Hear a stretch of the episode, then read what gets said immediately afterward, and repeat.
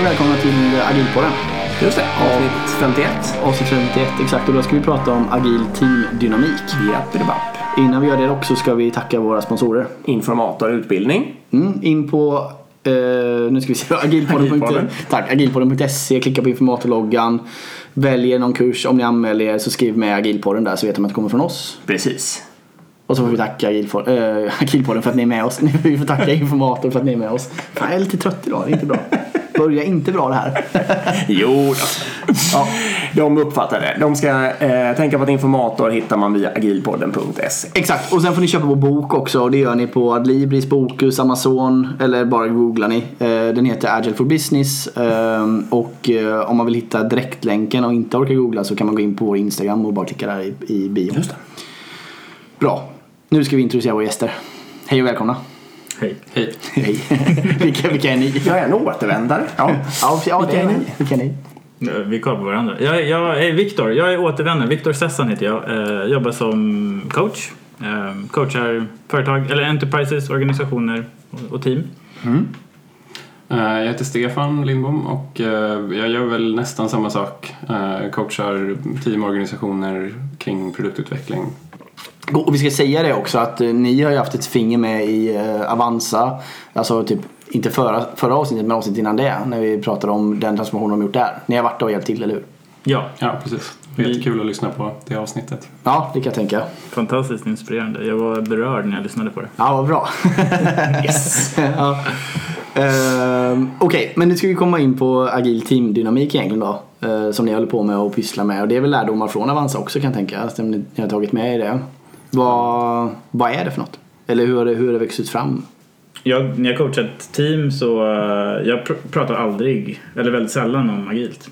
Och ehm, i i det när jag coachar dem så blir de ändå väldigt agila. Och där i föddes det lite tankar kring så här, sättet som vi coachar team kanske är. Det kanske är något knasigt med det. Jag tror att vi kom egentligen från samma, samma typ av upplevelse. Det var, jag skulle väl säga samma sak själv. Jag har jobbat med team, eh, inte fokuserat på process så mycket, fokuserar mer på att eh, vad- jag behövde, vad behövs det för förutsättningar för att ni ska kunna jobba som, som team och sen blir de bara agila.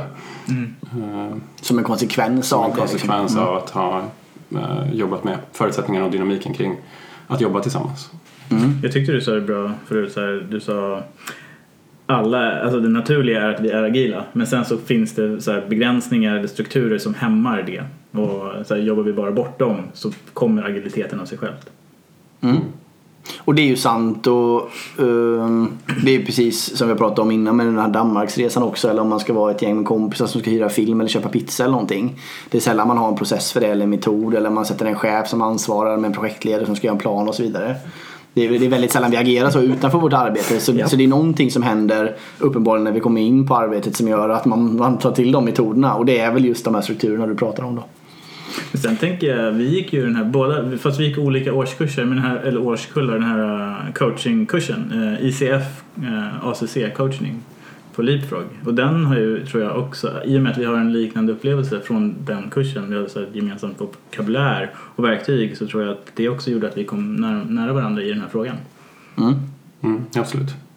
Men jag får bara kolla. Er hypotes är egentligen att om man har ett team som gör något tillsammans eh, och de kommer in i någon slags samhörighet eller högpresterande fas. Då kommer deras beteende att bli det vi ofta skulle kalla agilt. Är det en grundtes? Ja, eh, ja, jo men det skulle jag nog säga. Det finns vissa förutsättningar som måste finnas på plats. För, dels för att eh, teamet ska kunna bli agilt men om inte annat för att teamet ska kunna vara ett team och att agera som ett team.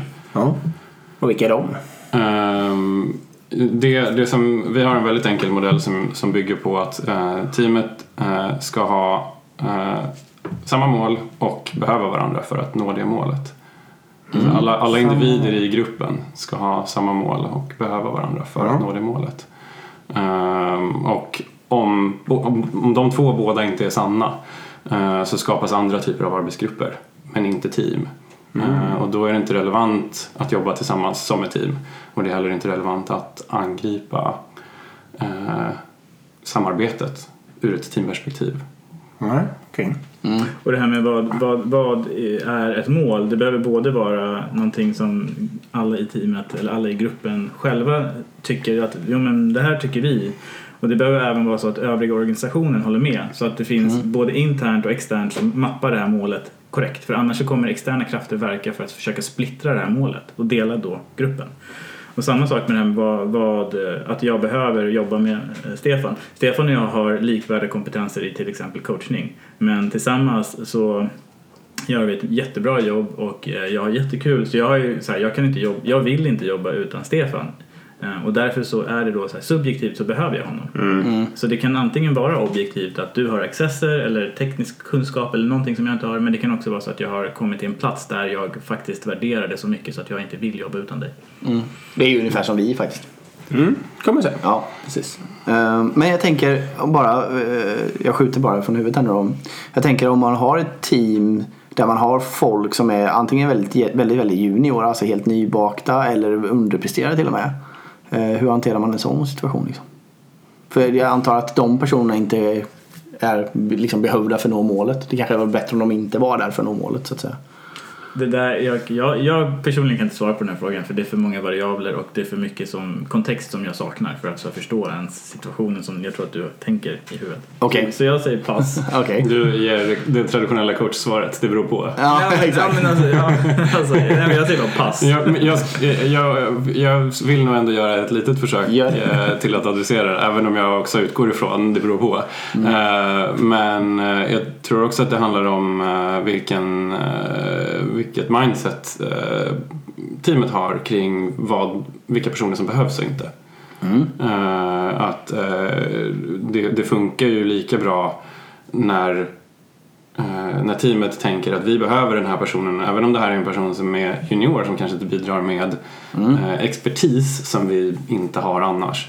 Eh, så behöver vi den här personen därför att vi behöver på lång sikt vara fler, vi behöver på lång sikt vara många som kan ta hand om det här. Vi behöver eh, på lång sikt ha flera hjärnor som adresserar det här problemet. Eh, och eh, ja, om inte annat så kommer ju en ny person in med nya perspektiv som kan vara användbara även om inte den personen besitter spetskompetens. Så jag tror, jag tror att det är mycket, just i det fallet så tror jag att det är mycket en mindset-fråga som, eh, som man kanske kan utmana då. Eh, men sen så beror ju förutsättningarna på också. Om du sätter en hård deadline på ett sånt team då kommer ju hela den där balansen sättas ur spel direkt. Då spelar det ingen roll hur mycket du säger att på lång sikt. Nej, precis. Så nu har du ju satt en hård deadline på det. Så, att, så det beror på. Tillbaka till beror på. Ja, det är bra. Det är ett av våra absoluta favoritsvar i den här podden också. Ja, det beror på, ja. Det beror på teamets Ni får det mognad, ganska. Faktiskt. Men jag vill gå tillbaka till din fråga, så här, men då kommer agila, alltså jobbar du med gruppdynamik? Teamet kommer ju inte lära sig vad en user story map med eller hur man Nej, men så jag menar. Nej, nej, men, Men jag rent bara, kulturellt. Ja, rent kulturellt så absolut. Jag tror på det. Eller det är det jag ser. hända. Eh, Du behöver inte prata om så här ehm, Du behöver inte prata om ska vi synka, ska vi samarbeta, ska vi ta beslut, ska vi iterera på saker utan det kommer ganska naturligt. Ehm, Tryggheten höjs, folk är mycket mer bekväma med att an- utmana idéer, med att berätta för varandra. Alltså öppenheten ökar, folk utmanar varandra mycket mer, eh, folk ställer krav på varandra. Så att sakta men säkert så uppstår en synkronicitet där, folk, där, där teamet vågar tackla svåra problem och de gör det tillsammans. Nej, Och även det här Och det som händer då är att teamet börjar, eh, börjar identifiera områden som man vill förbättras inom. Eh, Och säger att borde inte vi ha någonting som så här? Eh, Och då är det mycket lättare att säga att jo men det finns här, här ni kan hitta på det själva men här finns det en startpunkt. Här finns det ett verktyg, story mapping. Eh, så ni kan ta inspiration från det. Och i min upplevelse är att många gånger så har så träffar jag någon i ett team och, sen så, och, och så säger den personen att ja, men vi kände att vi behöver någonting sånt här så jag har börjat skissa på det här. Och så ser det ut som en user story map och så säger jag det här det ser ut som en user story map. Du borde googla på det. Eh, och sen så, så är det allt som behövs. Då får du ju en efterfråga på det också istället för att Precis. man kommer ner som coach och trycker ner en metod eller någon, någon sak. Liksom, att det här ska ni köra utan förståelse. Exakt. Vet du, det, hur eh, stort är ett team? Vad är ett team? Med avseende på antal. Eh, Det är en jättebra fråga. Eh, In, innan jag jobbade hos min senaste klient så skulle jag sagt att ett team är under um, r- ja, mellan fem och sju. Men där hade vi ett team som var på 25 pers.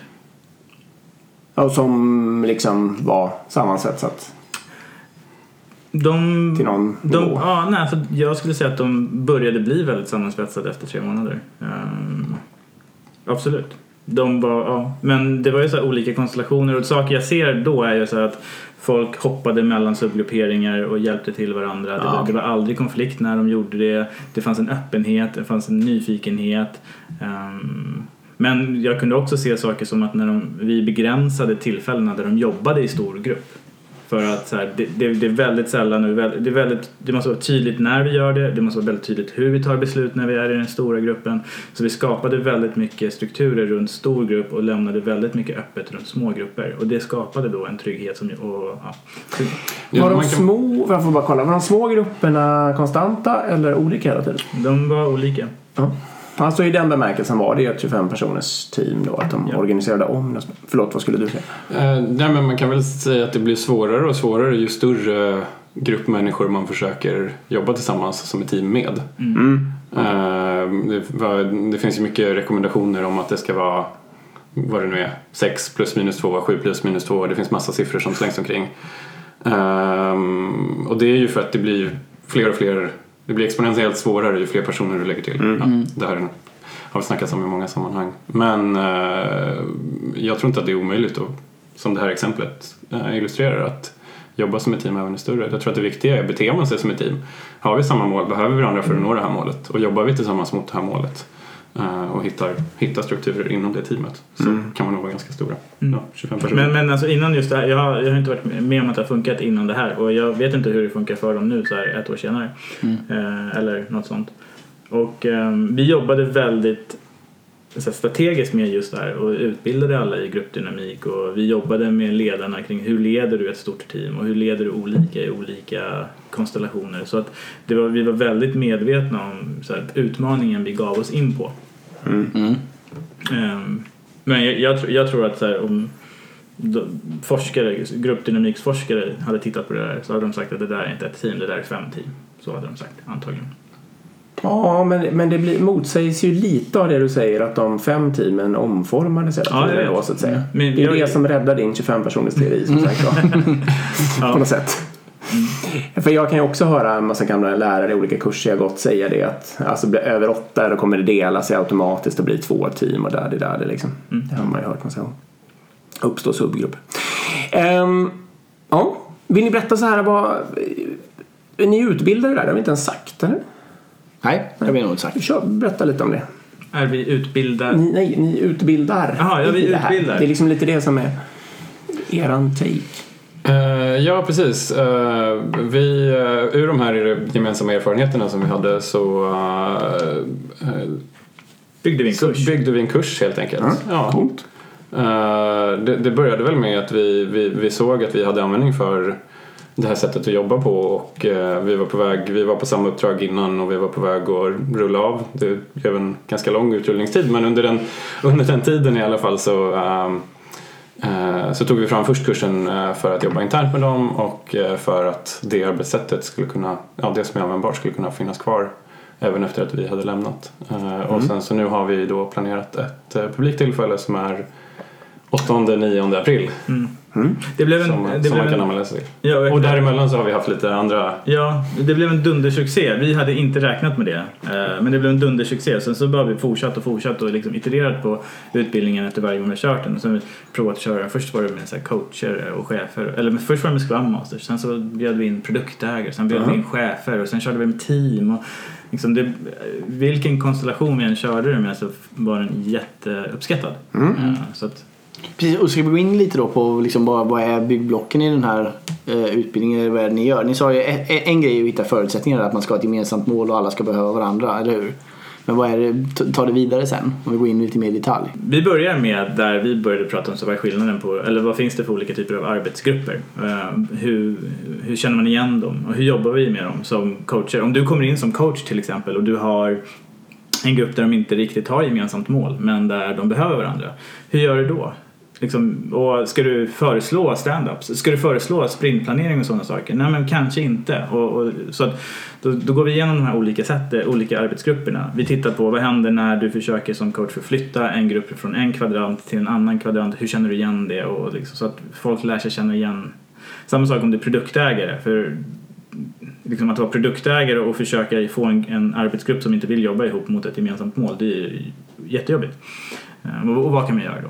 Men sen så, det hela, hela kursen handlar ju om just teamdynamik. Så då centrerar, eller fokuserar vi sen på så här, team, hur gör vi när det är ett team? Och hur känner vi igen gruppdynamik kring team? Vad finns det för faser? Så då börjar vi bygga upp ett stort egentligen en stor karta eh, över teamdynamik där vi börjar med så här, vad, vad eh, beskriver de olika faserna och sen hur känner man igen dem, eh, varför är det relevant Eh, och sen så är det väldigt mycket reflektion där folk får titta på så här, hur ser det ut för mig, vad känner jag igen från min vardag, vad har jag försökt göra, vad har jag fått för effekt eh, och så försöker vi hjälpa eh, coacher och så att mappa övningar mot faser. För att så här, en lära känna varandra-övning på två dagar det är många coacher som kör det direkt när team är jättenytt. Men det kanske inte är den bästa tiden.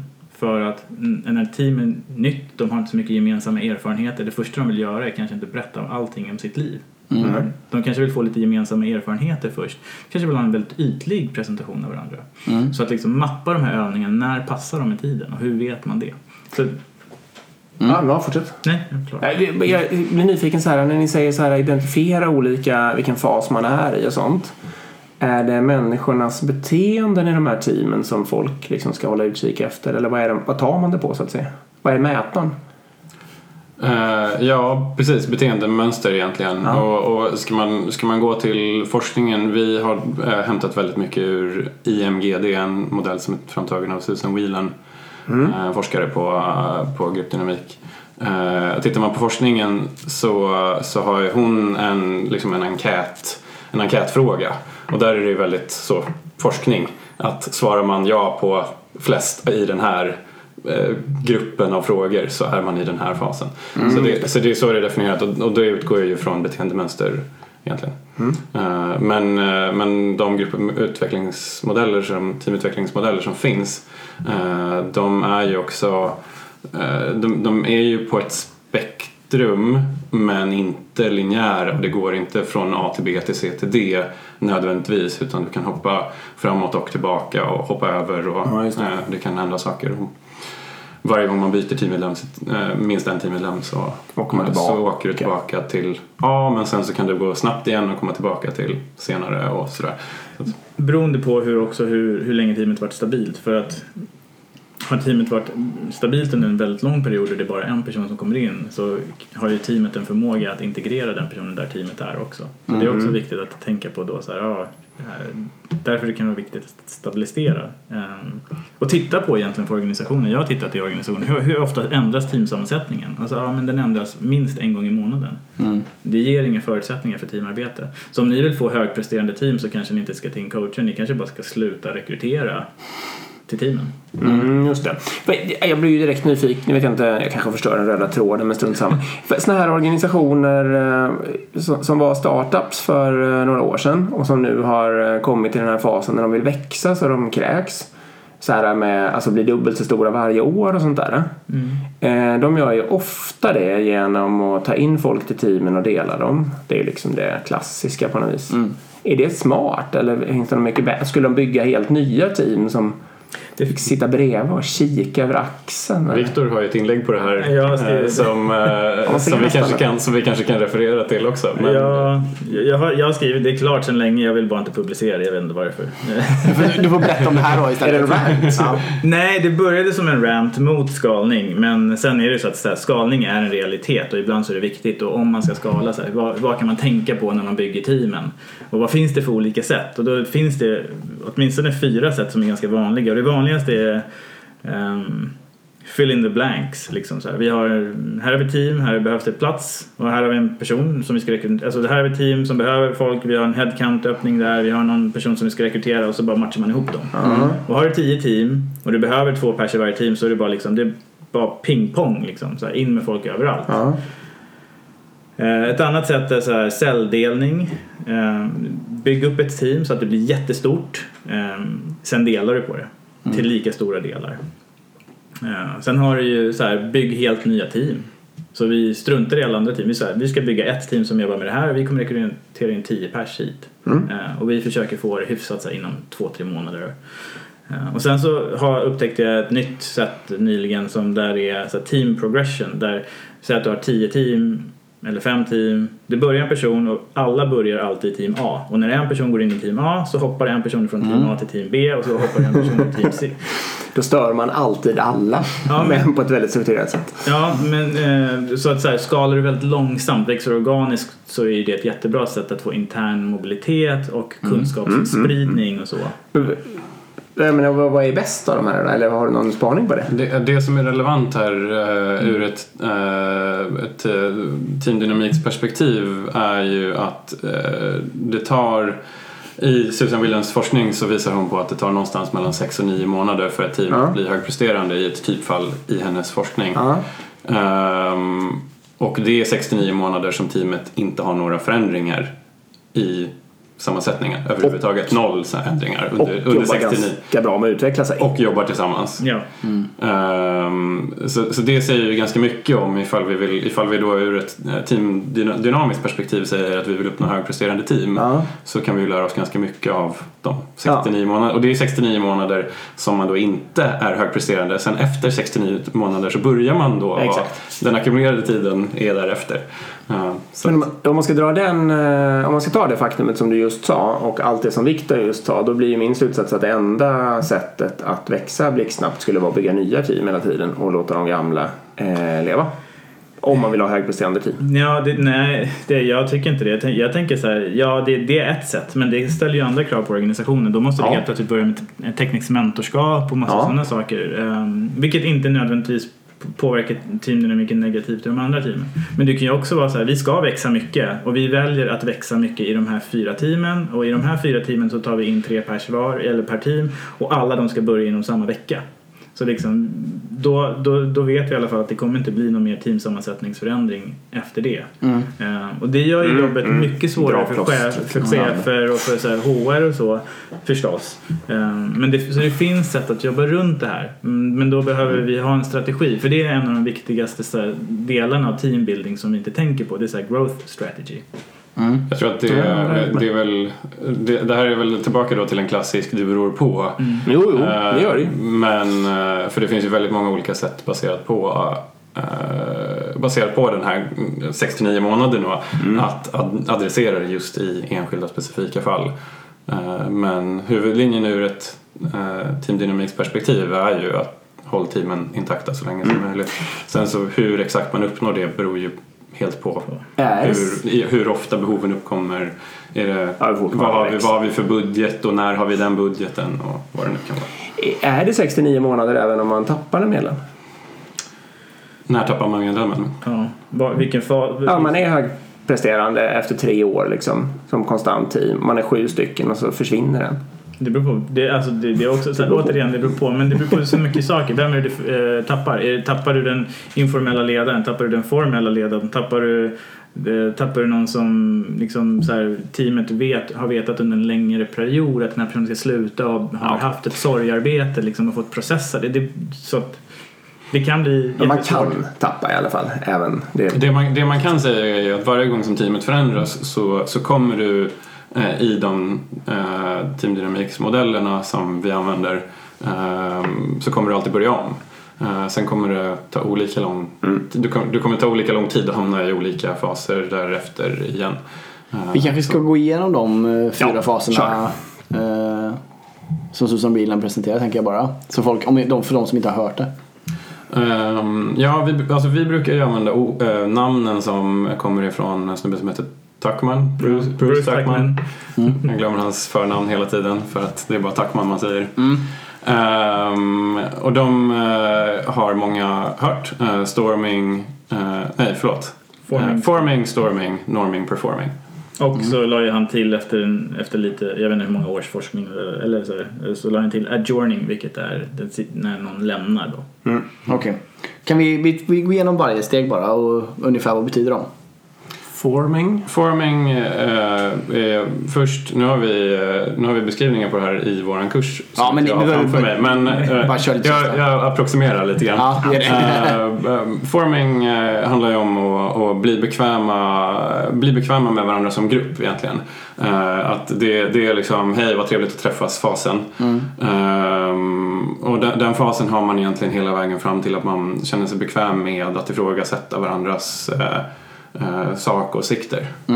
Så, så tryggheten är låg. Det, är- det, det så, så här, vi, vi försöker vara sociala och inte liksom sticka ut och in- vill inte utmana varandra. Och sen när vi har blivit tillräckligt bekväma för att antingen sticka ut eller vi stör oss tillräckligt mycket på varandra.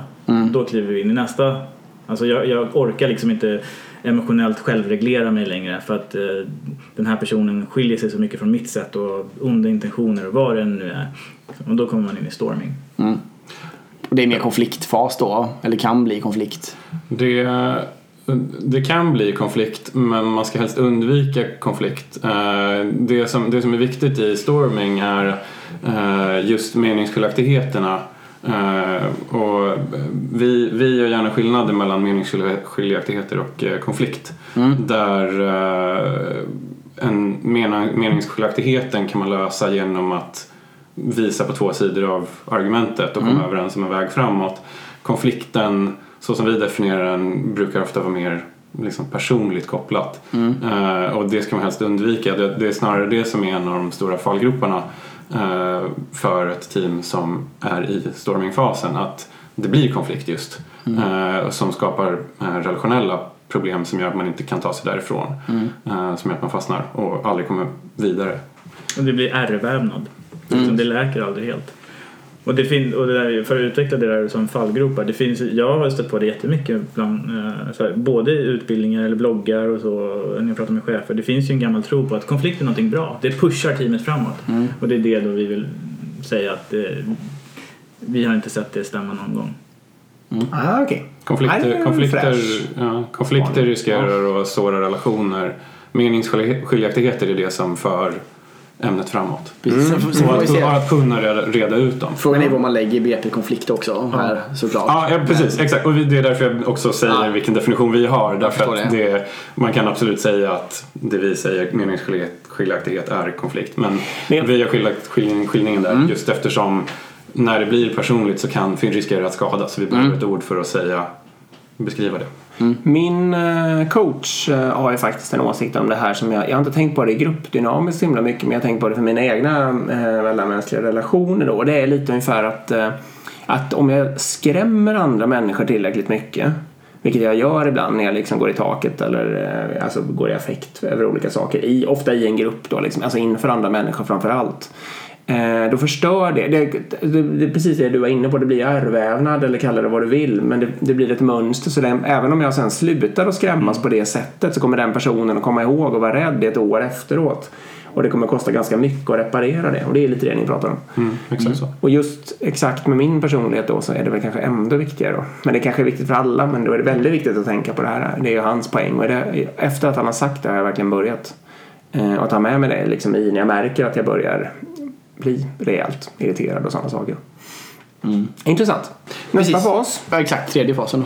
Ja, precis. Det, det, Forming, storming, storming, avslutas, norming. avslut, ja, storming avslutas ju då med att vi som grupp blir, eh, hittar ett sätt att lösa meningsskiljaktigheter på så att vi gör det naturligt.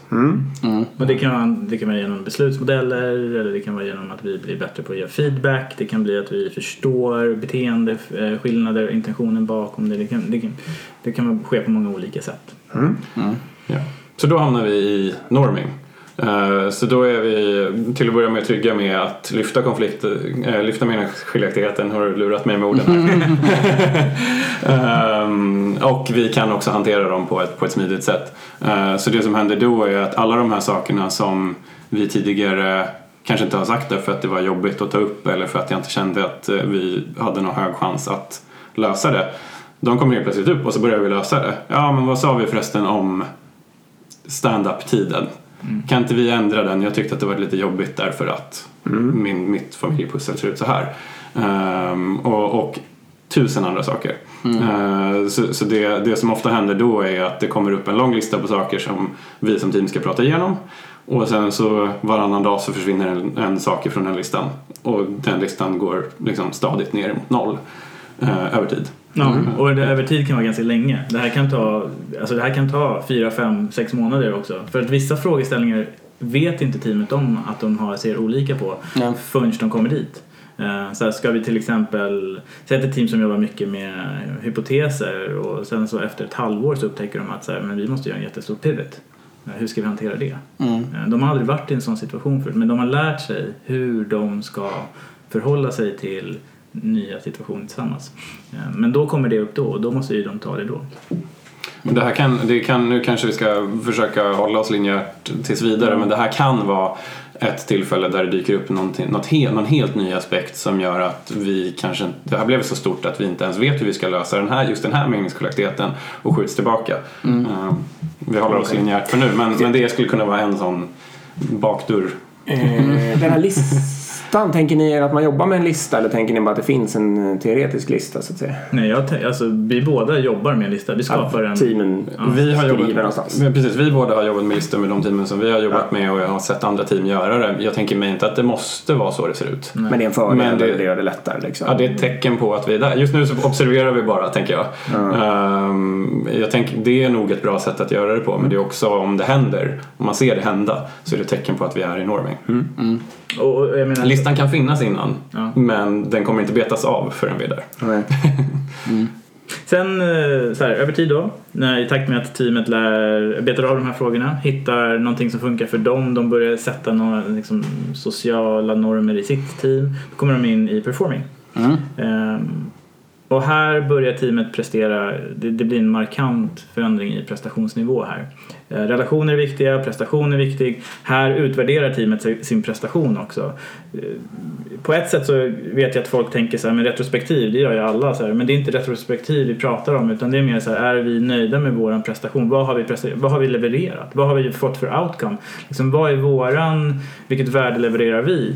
Eh, man kan titta på saker som eh, tekniska metrics här. Hur, hur, så här, frå, eh, vad har vi för cykeltid från det att vi, eh, eller så här, från pull request till deploy? Hur lång tid tar det? Hur, alltså det finns hur mycket saker som helst de kan titta på. Tänker du sportlag, många sportlag filmar ju sig själva och så tittar de och så ger de varandra feedback. Liksom, Viktor du gjorde det där, där, sluta göra det. Stefan du gjorde det där, där, bra, gör mer. Men du är back, varför är du uppe på liksom, eh, vid, vid motståndarnas mål? Samma sak då i ett team. Och hur många team som faktiskt beter sig på det här sättet, som faktiskt granskar sin prestation på den nivån, det är väldigt få. Mm.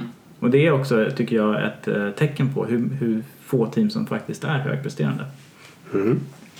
Men det tror jag ändå de flesta håller med om. Alltså om vi skulle fråga 150 utvecklingsteam här på 10 random företag så tror jag ändå de flesta skulle säga att de inte är högpresterande. Men det finns team som har jobbat ganska stabilt under en längre period som inte är högpresterande och de tänker att "Nej, men vi har jobbat upp ett halvår och vi kör retros.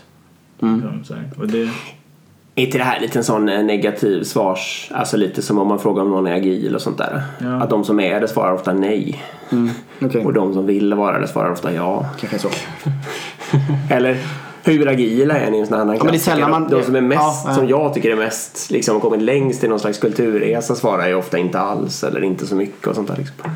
Eller vi pratar inte om det på det sättet eller så. Mm. Precis. Och sen var den, ja, förlåt, den sista Ja. femte fasen var om man vill medvetet vill nedmontera och eller eh, avveckla medlemmar. nej, alltså det är inte om man medvetet. Om en person slutar bara så går de ju in i en form av Okej. sorghantering som kallas för adjourning. Ehm, ja. Det är så här, det- du har ju kanske jobbat, det är väl egentligen på något sätt det jag och Stefan går igenom nu. Vi jobbade jättenära ihop under en längre period. Jag sa det till honom idag så jag tycker jättetråkigt att inte vi jobbar ihop. Eh, En, en grupp som jag jobbade med, där var det eh, ett par som uttryckte att så här, eh, fysiska symptom på det. Alltså, de fick, du vet, pulsen gick upp och de fick lätt ångest över att jag kommer inte jobba mer längre. Så att det är väldigt kraftigt det här, liksom, den här gruppen som du har varit tillhörig. Så här, det, som, dina partners i vardagen, helt plötsligt så är de inte det längre. Det är väldigt starka krafter. Ja, Men förutsätter det liksom att man har varit ett high performing team i någon mån? det skulle jag... Det är en intressant fråga. Eh, Jag tror inte att det måste vara så. Jag tror att jag kan ha sett någon gång, nu när du säger det, Eh, men det är definitivt starkast Ja. eh, om, man har, om man har mer historia Ja, tillsammans. just. Ju mer historia du har desto starkare blir den, då, den avslutande fasen. Men om man har kommit halvvägs upp i norming så kommer det kännas ganska mycket också till exempel. Rimligen ja. Ja. Visualiserar ni på något sätt bara var någonstans eh, ja. teamet är liksom? Det är, super, det är superbra för teamet att känna till vilka skeden som man kommer gå igenom och, och vilka behov som kommer uppstå i respektive skede. Eh, och ungefär hur det kommer kännetecknas.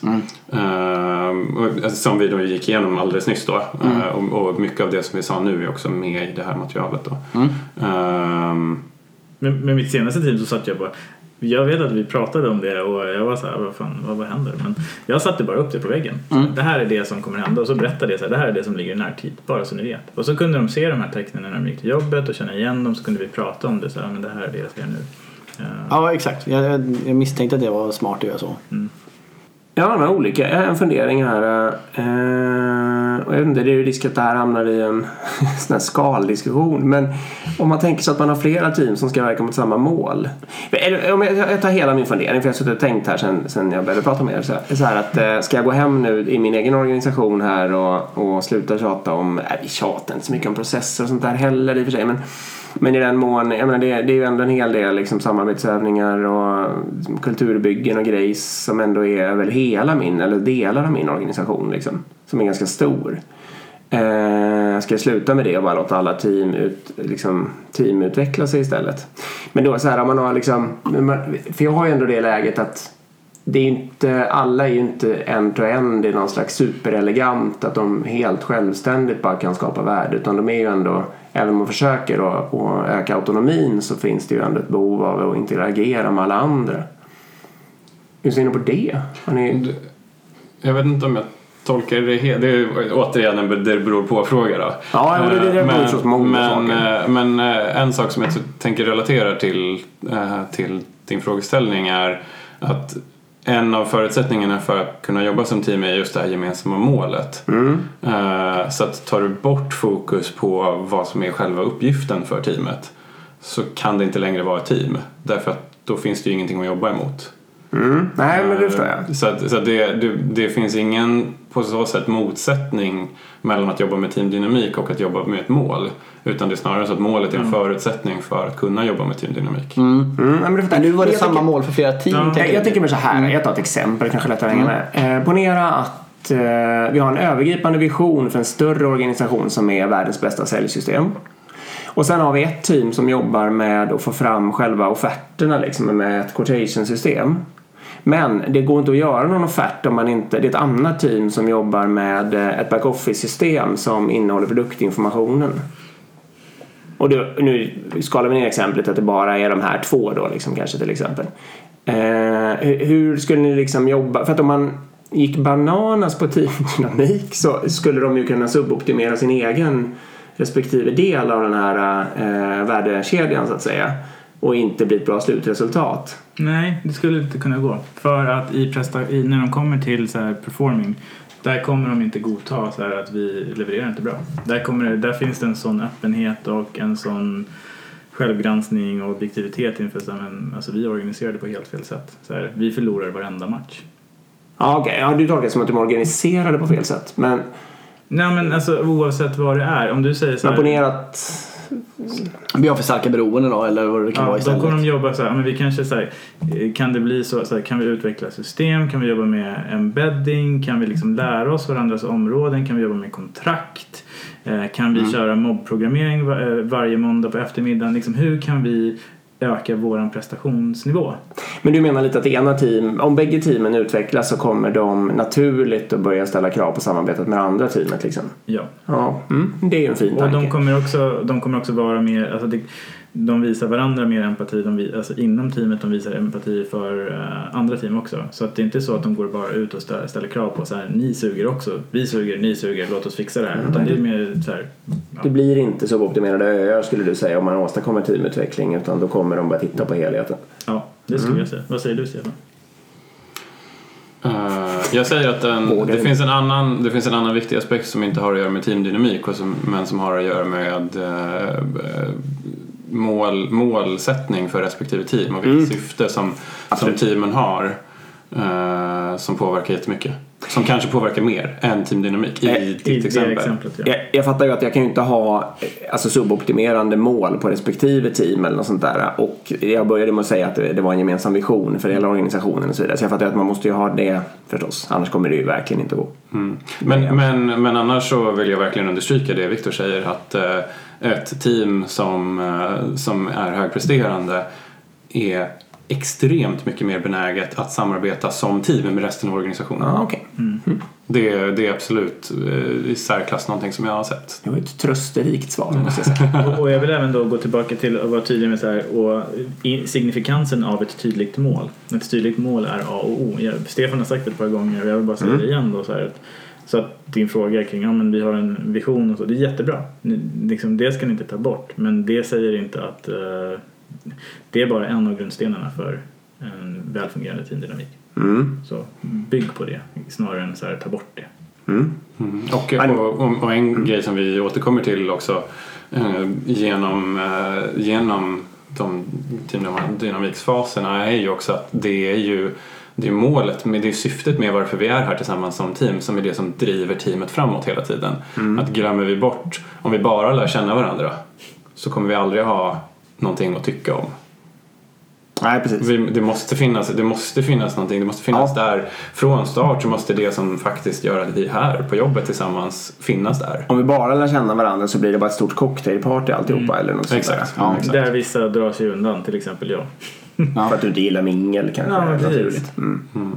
Men hur, eh, hur, hur, hur gör man ett så bra mål då? Jättebra fråga.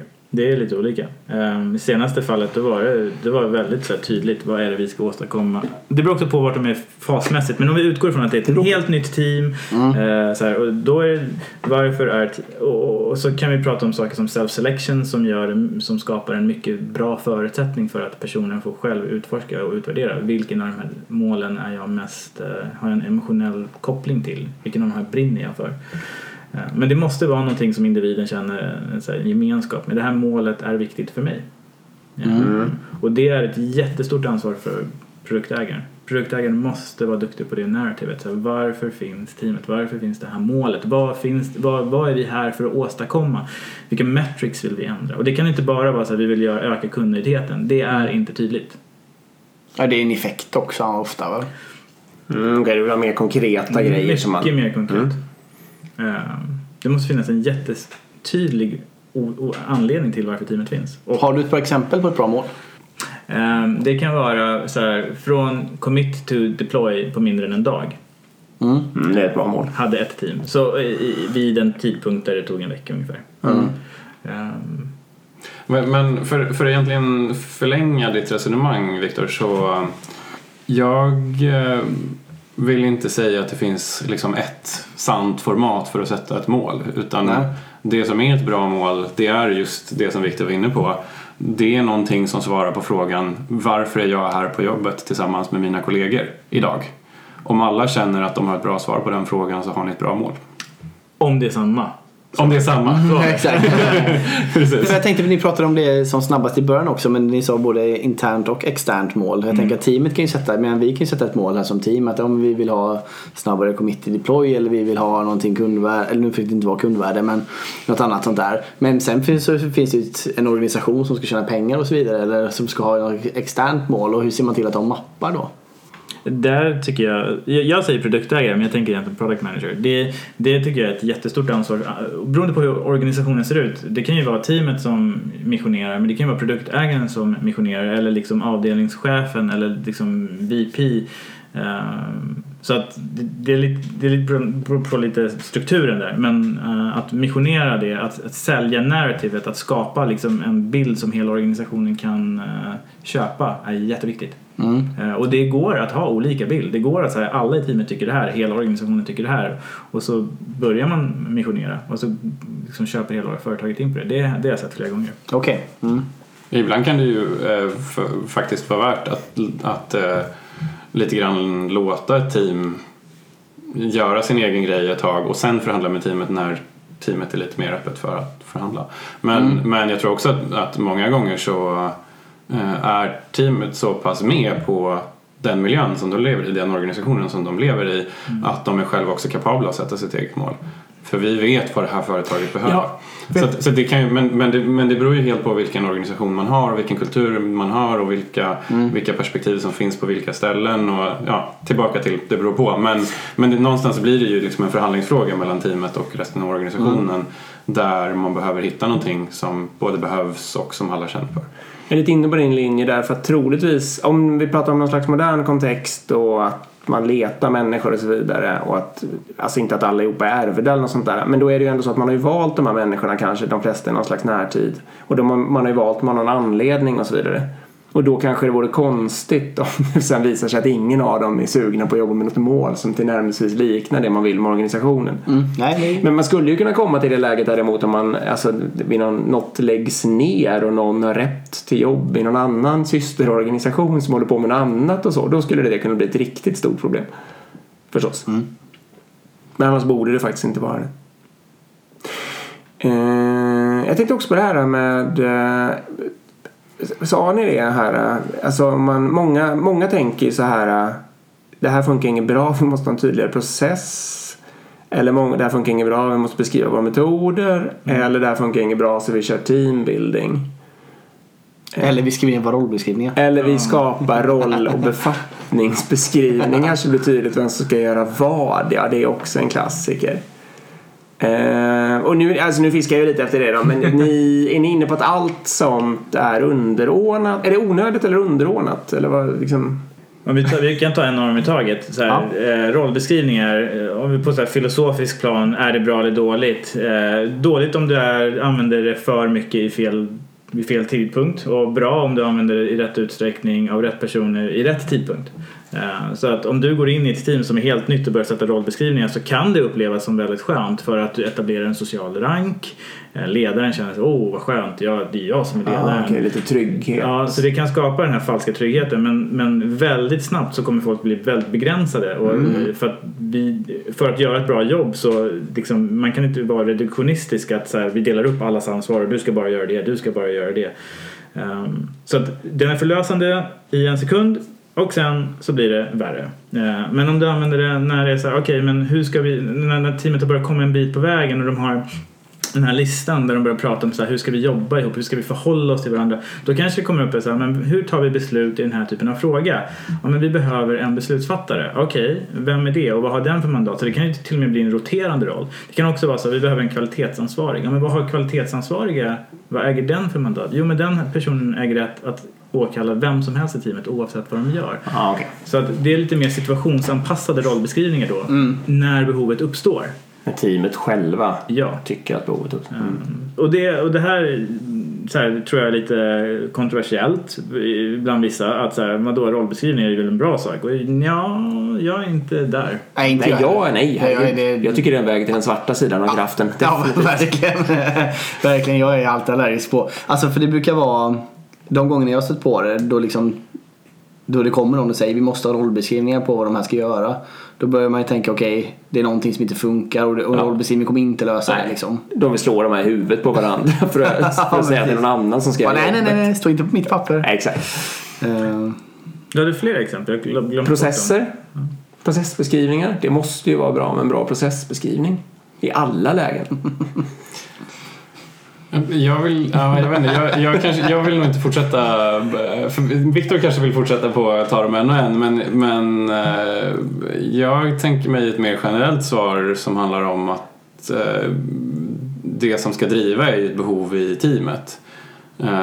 Och när det uppstår beror ju på, inte bara teamdynamik utan också massa annat. Och i vissa fall så kanske det är bra med en processbeskrivning. Mm, Okej, du menar om teamet själva har problem med sina deployer och, och verkligen vill sk- skriva ner hur den där uh, continuous integration pipelinen ska se ut eller något sånt där. Ja, till exempel. Ja, då är jag man ju det förstås. Ja. Mm. Nej, det är sant. Och det var egentligen var det ju helt likt ditt svar, Viktor. Ja, han bara gick upp en abstraktionsnivå Ja, och exakt. simplifierade det väldigt bra. ja. ja, det är bra. Eh, vi måste också gå in på och toucha på det perfekta teamet ledningsgrupp. Just. Vi Vi, vi, vi, touchar på det lite när vi planerade avsnittet. Ja. Ehm, Det är bara att bygga dem som ett team, eller hur? Ja, precis. Exakt. Vad är, men det fanns ju lite... Ni pratade om, om Susan Wielands eh, forskning där. Där fanns ju någon studie på ledningsgrupp just, eller hur? Ja, precis. I hennes, eh, i hennes forskning som hon presenterar i, eh, i den boken som, som täcker huvuddelen av forskningen så, eh, så hade hon inte hittat ett enda ledningsgruppsteam eh, som hade nått då högpresterande enligt, enligt hennes eh, enkätfrågor. Eh, vilket ju är ganska intressant eh, eftersom Fanns det någon typisk fas de var i? Oj, eh, det fanns, jag tror att det fanns data på så här, vart de befann sig men jag... jag min, det, det, det finns tabeller i boken men jag kommer Okej. faktiskt inte ihåg exakt vad de säger. Va? Hur kunde du inte komma ihåg det? ja, Det var mycket, mycket siffror att komma ihåg. Men eh, jag vill minnas att det var en tyngdpunkt på eh, hur blir det nu, forming och storming. storming. ja. Ja. Och det är också ett, det är också ett ganska vanligt mönster. Eh, och tänker jag framför allt när, när man jobbar med medel i en grupp som anses vara ett team men som inte har förutsättningarna för att vara det. Alltså vi har inte samma mål, vi behöver inte varandra eh, eller något av dem saknas. Eh, så är det ett väldigt vanligt mönster att, att när man ser sig själv som ett team men inte är det så eh, börjar man forma, man börjar storma finns ingen anledning att komma, komma vidare så att man släpper det bara. Därför att vi, vad är Jag klarar anledningen? mig själv. För man gör ju det. Ja. Om man, Ja, ja. Och jag tror det där är typ, jag känner ju verkligen det från ledningsgruppen. Både jag har suttit i och ledit själv.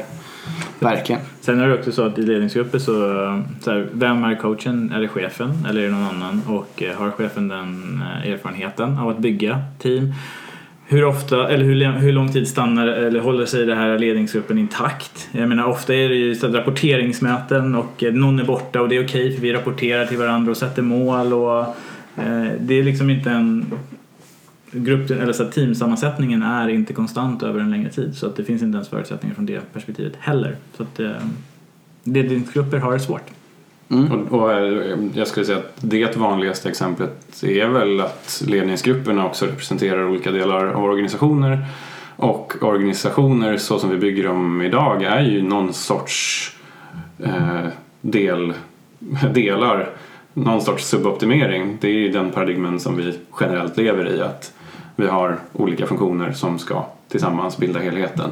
Men vi har inte definierat det som att vi tillsammans gör samma grej nödvändigtvis utan vi har ofta mål på den här personen i ledningsgruppen har mål på den här siffran och den här andra personen i ledningsgruppen har mål på den här andra siffran som kanske till och med motsäger varandra. Det är Det är ju klassiskt. ett väldigt vanligt mönster. Väldigt vanligt.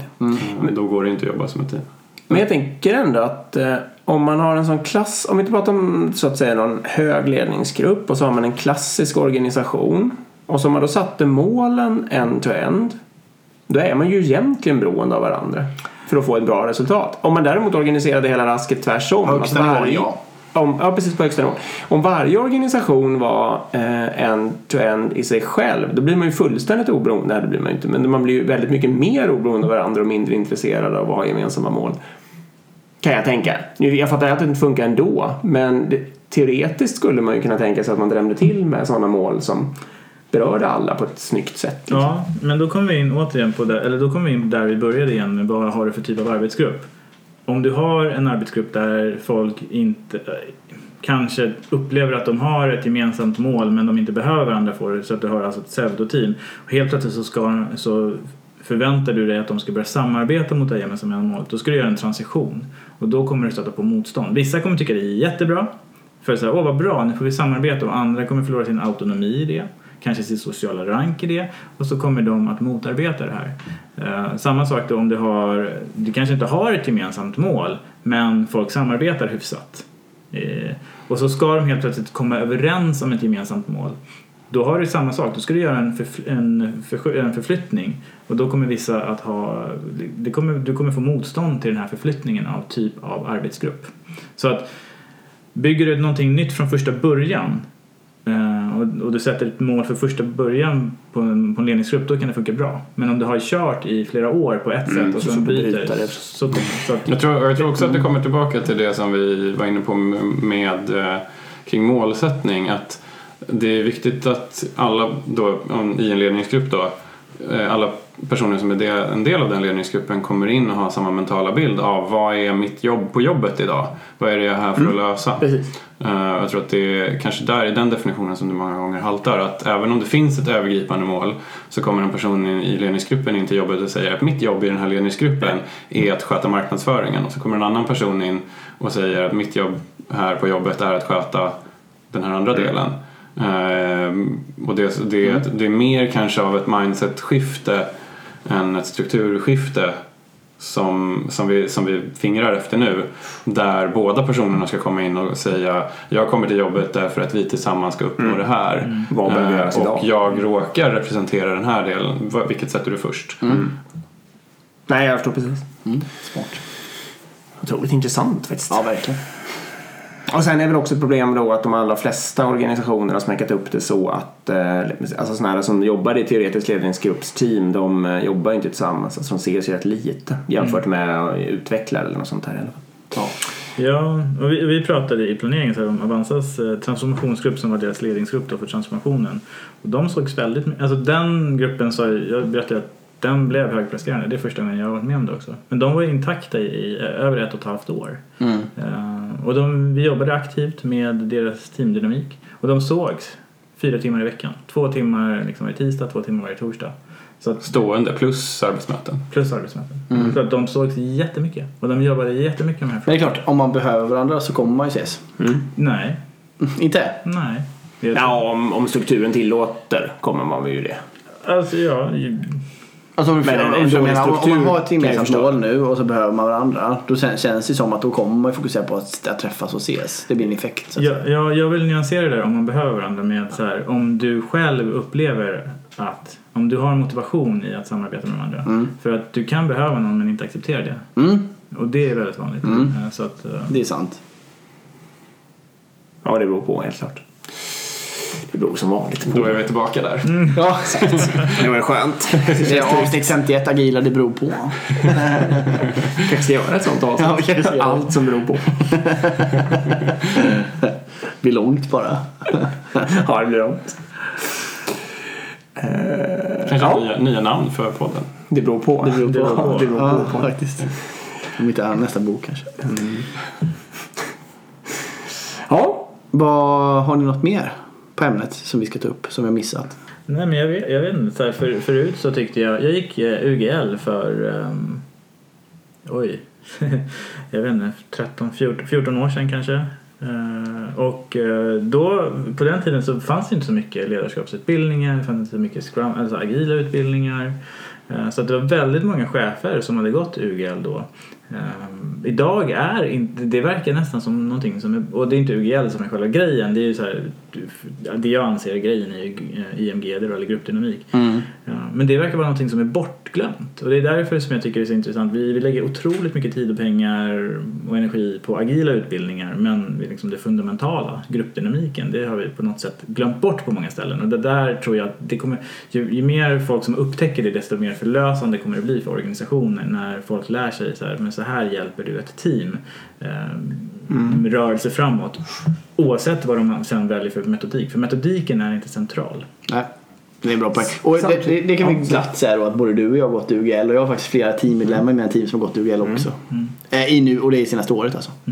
Samtidigt så kan jag, om vi ska säga något positivt så finns det väl bättre förståelse nu än någonsin för att det finns ett värde i att organisera sig i team. Alltså man är ju i alla fall sugen på att ge människor chansen att bilda team och sätta gemensamma mål. Ja, och det så får man säga. Det är ju inget, det är inte så att man blir idiotförklarad om jag kommer och, och försöker med det organisationsupplägget utan snarare tvärtom att många ändå accepterar det ganska lätt. Ja, verkligen. Ja, det är en tydlig, tydlig rörelse. Ja, och det är ju en skillnad mot, eh, jag menar när jag började jobba för 20 år sedan så var det ju mycket att man tillhörde någon slags grupp, ja, men alla fick ju sina, satt ju individuellt och gjorde sina arbetsuppgifter. Det är inte I egna kontor. egna, ja, nej, vi hade någon slags, eh, nästan ja, några hade det och några satt eh, två, två, tre, tre och sådär, men precis, det fanns rum. Stämmer. Ska vi hålla där då? Ja, kan vi göra. Ska vi ta och puffa lite också? Innan vi avslutar? Du har ju redan puffat för boken. Ja, du tjata om den igen? Nej. Nej. köp den bara. Slipper tjata. Där Gäller er den. två också. Där kom den. Det borde vara obligatoriskt för alla gäster att köpa boken. Eh, och vill man eh, nå Agilpodden så är det agilpodden at gmail.com. Ja, exakt. Det är Följ oss på Instagram. Yes. Eh, vill ni, du puffade ju, snabbpuffade ju mitt i där, men puffa lite tydligare för själva kursen. Ja, precis. Ja, vi, vi håller ju teamdynamikskurs. Agil teamdynamik som avsnittet heter. Ja. Eh, och eh, om ni är intresserade av det så kan ni gå in på vår hemsida eh, viktorsessan.com teamdynamik och eh, ni får om ni eh, säger att ni kommer från Agilpodden så får ni 10% rabatt. Wow. cool. Mm. Så då får ni skriva med det helt enkelt, använda agil på det på något sätt. Och kurs, nästa kurstillfälle är i april, 8 till 9 april. 8-9 april. För, för varje anmälan från Agilpodden så köper vi en bok. Ah, kolla! nu kommer jag tjata om det varje gång. Smart. Nej men coolt. Det, äh, gör det för guds skull. Anmäl dig till den. Det fick Erik fort. Ja, exakt. Vi måste puffa för Go Climate Neutral också. Ehm, jo, men eh, förutom att coacha så jobbar jag också med ett ehm, projekt som heter Go Climate Neutral eh, som är eh, klimatkompensation av hela din livsstil på, på månadsbasis. Så att du signar upp hos oss och blir klimatneutral. Och sen så över tid så kommer vi bygga på också med tips på hur du kan också minska ditt avtryck från första början. Mm. Så, att, så att vi räddar den här jorden som vi är agila på. Det låter som en bra förutsättning. Och På tal det, om förutsättningar för team. ja, exakt. Det är bra att ha en jord. Att jorden är kvar. trogna lyssnare känner igen det här från, vi pratade ganska mycket med Henrik eh, Kniberg när han var här om detta och jag blev också klimatneutral eh, via den här tjänsten efter det. Jag är med. det fortfarande. Ja, ja, jag, jag har det i min backlog också. Ja. Absolut. Det inte så jävla- det är så dyrt ska, med alla ska, ska jag bli lika hård mot dig eh, Ja, här som du är med böckerna? Ja, exakt. Om ni köper boken så går jag med.